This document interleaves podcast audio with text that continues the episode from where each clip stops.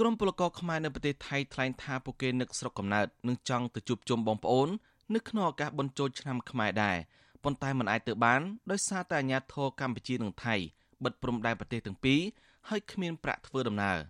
ចំណែកឯសកម្មជនបកប្រឆាំងដែលកំពុងភៀសខ្លួនវិញពួកគាត់ក៏ត្រឡប់ទៅវិញមិនបានដោយសារតែការធ្វើទុកបុកម្នេញពីរបបលោកហ៊ុនសែន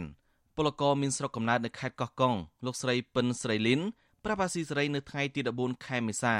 ថាបុណ្យចូលឆ្នាំខ្មែរថ្ងៃដំបូងគឺមានសភាពសោះកក្រោះពលគឺប្រៀបដូចថ្ងៃធម្មតាដែលគ្មានបុណ្យទានដែរស្ត្រីវ័យ30ឆ្នាំប្លាយរំនេះបន្តថានៅកន្លែងធ្វើការលោកស្រីមានពលករខ្មែរប្រមាណ500នាក់ហើយពួកគេមិនបានទៅធ្វើបុណ្យនៅទីវត្តអារាមឬទៅដើរលេងកម្សាន្តនោះទេ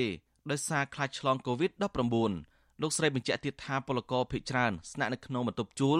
ហើយនាំគ្នាតាមដានព័ត៌មានតាមបណ្ដាញសង្គម Facebook ដើម្បីកាត់បន្ថយការនឹករលឹកស្រុកកំណើត។ ចង់ទៅលេងក្រុងទេព្រោះមួយទៅរមិត្តភ័ក្ដិយើងចឹងក៏ទៅអត់បានពិបាកចង់ទៅលេងស្រុកក៏ទៅមិនកើតទៅស្រុកឆ្លងដែនក៏កាក់ខ្លួន20ថ្ងៃត្រឡប់មកវិញក៏ពិបាកមានតែទ្រាំនៅរស់ស៊ីផ្ញើលុយផ្ញើកាក់ទៅផ្ទះស៊ីទួយទៅបងគ្រាន់បើជាងយើងទៅផ្ទះឲ្យគេគៀបសកត់គ្រប់បែបយ៉ាងស្ដាប់ស្ដាប់ទៅតែបងប្អូនខ្ញុំប្រាប់មកថាពិបាកនៅស្រុកតែអញ្ចឹងខ្ញុំសុខចិត្តទ្រាំនៅបែកបងប្អូនបែកកូនបែកចៅនៅស្រុកគេរំសត់បងពេលខ្លះនៅក្នុងបន្ទប់ចងំស្ងាត់តែឯងអញ្ចឹងមើលទូរស័ព្ទឃើញអញ្ចឹងຕົកសិចមួម៉ៅដែរតែមិនដឹងថាម៉េចមានតែការអត់ស្មត់ទ្រាំចំណែកសកម្មជនគណបកប្រឆាំងវិញពួកគេក៏មិនបានទៅដើរលេងកម្សាន្តនៅក្នុងឱកាសបុណ្យចូលឆ្នាំដែរប៉ុន្តែពួកគេនាំគ្នាធ្វើពិធីជប់លៀងហូបនំបញ្ចុកជុំគ្នានៅទីក្រុងបាងកកបន្តិចបន្តួចដើម្បីបង្កើនភាពស្និទ្ធស្នាលនៅក្នុងពេលភៀសខ្លួននៅប្រទេសថៃមន្ត្រីគណៈបកសង្គ្រោះជាតិរាជធានីភ្នំពេញដែលកំពុងភៀសខ្លួននៅប្រទេសថៃលោកទុំបន្ថនមានប្រសាសន៍ថាលោកគ្មានអារម្មណ៍លេងសប្បាយ នៅក្នុងពេលចូលឆ្នាំខ្មែរនេះទេដោយសារលោកឈឺចាប់នៅពេលឃើញប្រដ្ឋខ្មែរក្រីក្រលំបាកជាច្រើនអ្នកជាពិសេសសហការីដែលកំពុងជាប់ឃុំក្នុងពន្ធនាគារមិនបានជួបជុំសាច់ញាតិលោកបញ្ជាក់ទៀតថាកលៈទេសៈបែបនេះបានធ្វើឲ្យលោកមានទឹកចិត្តតស៊ូទៅមុខទៀតដើម្បីទាមទារឲ្យប្រទេសជាតិមានប្រជាធិបតេយ្យពេញលេញខ្ញុំមិនត្រឹមតែមិនបានជួបជុំបងប្អូនទេក៏ពាត់ព្រះដោយពួកគាត់ដែរអញ្ចឹងអារម្មណ៍នៃការយល់ពីការប្រត់ប្រាស់បែកបាក់ប្រព ន្ធកូនប្តីស្រីក្រុមគ្រួសារពុកម្ដាយនេះគឺជារឿងមួយដែលឈឺចាប់ដែលយើងមិនអាចបំភ្លេចបានទេជាពិសេសគឺយើងបង្កើតការឈឺចាប់នោះទៅជាការតស៊ូដើម្បីផ្លាស់ប្ដូររបបផ្ដាច់ការហ៊ុនសែននឹងរងថ្ងៃហ្នឹងដើម្បីឲ្យប្រទេសជាតិរស់នៅក្នុងសេចក្តីសុខជាពិសេសដើម្បីឲ្យប្រជាពលរដ្ឋខ្មែរអាចជុំរុំក្រុមគ្រួសារជាមួយនឹងឪពុកម្ដាយប្រពន្ធកូនឡើងវិញ តកតងទៅនឹងពិធីបុណ្យចូលឆ្នាំនៅប្រទេសថៃនេះស្ថានទូតខ្មែរនៅក្រុងបាងកកបានបង្ហោះសារក្នុងបណ្ដាញសង្គម Facebook ដើម្បីអំពាវនាវឲ្យពលករខ្មែរដែលរស់នៅប្រទេសថៃទាំងអស់ឲ្យបង្កើនការប្រុងប្រយ័ត្នអំឡុងពេលឈប់សម្រាកនេះដើម្បីចូលរួមទប់ស្កាត់ការរាតត្បាត COVID-19 បន្ថែមពីនេះស្ថានទូតក៏ស្នើដល់ពលករឲ្យគោរពការណែនាំ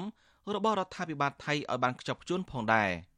ជាមួយគ្នានេះរដ្ឋាភិបាលថៃបានបន្តដាក់ប្រទេសនៅក្នុងគ្រាមានអាសន្ន រហូតដល់ថ្ងៃទី31ខែឧសភាដើម្បីទប់ស្កាត់ការរាតត្បាត COVID-19 វិធានការនេះអាជ្ញាធរថៃបានហាមឃាត់មិនឲ្យប្រជាថៃនិងជនបរទេសប្រមូលផ្ដុំគ្នាជាច្រើនអ្នកហើយប្រសិនបើមានជនណាល្មើសនឹងបំរាមនេះពួកគេប្រឈមនឹងមានទោសជាប់ពន្ធនាគារ2ឆ្នាំនិងពិន័យជាប្រាក់40000បាតឬប្រហែលនឹង1300ដុល្លារចាប់ពីថ្ងៃទី1មេសាដល់ថ្ងៃទី14មេសាក្រសួងសុខាភិបាលថៃ រកឃើញអ្នកឆ្លង COVID-19 ចូលក្នុងសហគមន៍លើកទី3ជាង7000នាក់ហើយក្នុងនោះនៅទីក្រុងបាងកកច្រើនជាងគេព្រះសង្ឃខ្មែរគង់នៅក្រុងបាងកកប្រជាជនវ៉ាន់សម្បានមានត្រាធិការថាមឡងពេលបុណ្យចូលឆ្នាំខ្មែរឆ្នាំនេះនៅក្នុងវត្តរបស់ព្រះអង្គមិនសូវមានពលករខ្មែរធ្វើបុណ្យដូចឆ្នាំមុនមុនទេដោយសារពួកគេខ្លាចខុសនឹងបំរាមរបស់អាជ្ញាធរថៃព្រះភិក្ខុវ៉ាន់សម្បានមានត្រាធិការបញ្ជាក់ថាស្ថានភាពបែបនេះក្រុមពលករគួរតែសម្រាកនៅក្នុងបន្ទប់ជួលមួយរយៈ ហើយត្រូវតាមដានព័ត៌មាននៅក្នុងប្រទេសថៃឲ្យបានជាប្រចាំដើម្បីអនុវត្តតនស្ថានភាពតាមដានឲ្យបានជាប់លាប់ឲ្យបានត្រឹមត្រូវដើម្បីជាការការពារសុខភាពផងការពារបញ្ហាកុំឲ្យកើតរឿងក្រៅក្នុងសង្គមវាផងនឹងឯងដើម្បីជាការលើកកម្ពស់នៅជីវភាពដើម្បីការលើកកម្ពស់សីលធម៌ដើម្បីបង្ហាញអំពីយើងជាជនជាតិខ្មែរដែលមានទំនៀមទម្លាប់ប្រពៃណីល្អស្អាតជាងយើងក៏សូមញាតិញោមអនុវត្តច្បាប់ឬអនុវត្តតាមទំនៀមទម្លាប់ឲ្យបានល្អណាដើម្បីលើកកម្ពស់ផងដើម្បីសុខភាពផងដើម្បីបានទទួលនៅបុណ្យកុសលណាមកពីការធ្វើបុណ្យនេះផងដែរបង